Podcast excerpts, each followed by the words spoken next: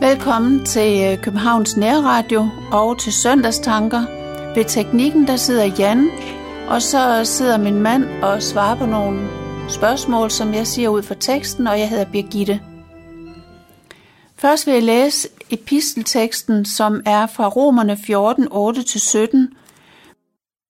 Og der står, alle, som bliver ledt af Guds ånd, er Guds børn. Den ånd, I har fået, gør jeg ikke til slaver, for så kom I blot igen til at leve et liv i frygt. Nej, Guds ånd gør det klart for jer, at I er Guds børn. Det er Guds ånd i os, der gør, at vi kan kalde ham vores far. Det er Guds ånd, der bekræfter over for vores egen ånd, at vi virkelig er Guds børn. Og så læser vi øh, teksten fra Matthæus 7, 15-21. Vogt jer for de falske profeter. De kommer forklædt som uskyldige får, men er i virkeligheden glupske ulve. Bedøm dem ud fra resultatet af deres handlinger. Ligesom man bedømmer et træ ud fra dets frugter. Der vokser jo ikke vindruer på en tørnebusk, og man finder ikke finer på en tissel. Det er altid sådan, at et godt træ bærer god frugt, og et dårligt træ bærer dårlig frugt. Et godt træ kan ikke bære dårlig frugt, og et dårligt træ kan ikke bære god frugt. Et hvert frugttræ, der ikke bærer god frugt, bliver hugget om og brændt. Altså skal I bedømme dem ud fra deres frugter. Nu ved jeg godt, der er tale om de falske profeter. Men hvordan bliver man et træ, der bliver god frugt? Jamen, øh, vi læser lidt om det i Romerbrevet, det 8. kapitel der, at vi er Guds børn, og vi må få lov til ligesom at leve det ud, at vi er Guds barn. At han har taget bolig i os. Alle, som bliver ledt af Guds ånd, er Guds børn. Og det er den ånd, I har fået, gør jeg til ikke, ikke til slaver, for så kommer I jo igen blot til at leve et, frygt, et liv frygt, et liv i frygt. Nej, Guds ånd gør det klart for jer, at I er Guds børn. Og så Guds ånd, som bor inde i os, det gør, at vi, vi faktisk kan leve ham ud i vores øh, hverdag.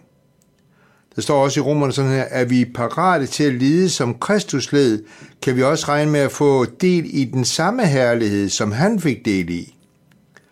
De lidelser, vi skal igennem her og nu, regner jeg ikke for noget i sammenligning med den herlighed, som vi skal opleve engang. Altså, de her, at øh, ens frugt, det er jo, at, øh, at vi er indpået i Jesus. Og han er det gode træ. Og når vi er indpået, indpået i ham, jamen så bærer vi også øh, god frugt. Fordi vi, han er vintræet, og vi er grenene. Så det, der er vigtigt for os i vores liv, det er, at vi holder os nær til Jesus, så han kan øh, virke igennem os. Så det tror jeg lidt på det, at det er simpelthen fordi, vi er indbået i Jesus, og han er vores Herre, og han bor i vores hjerte.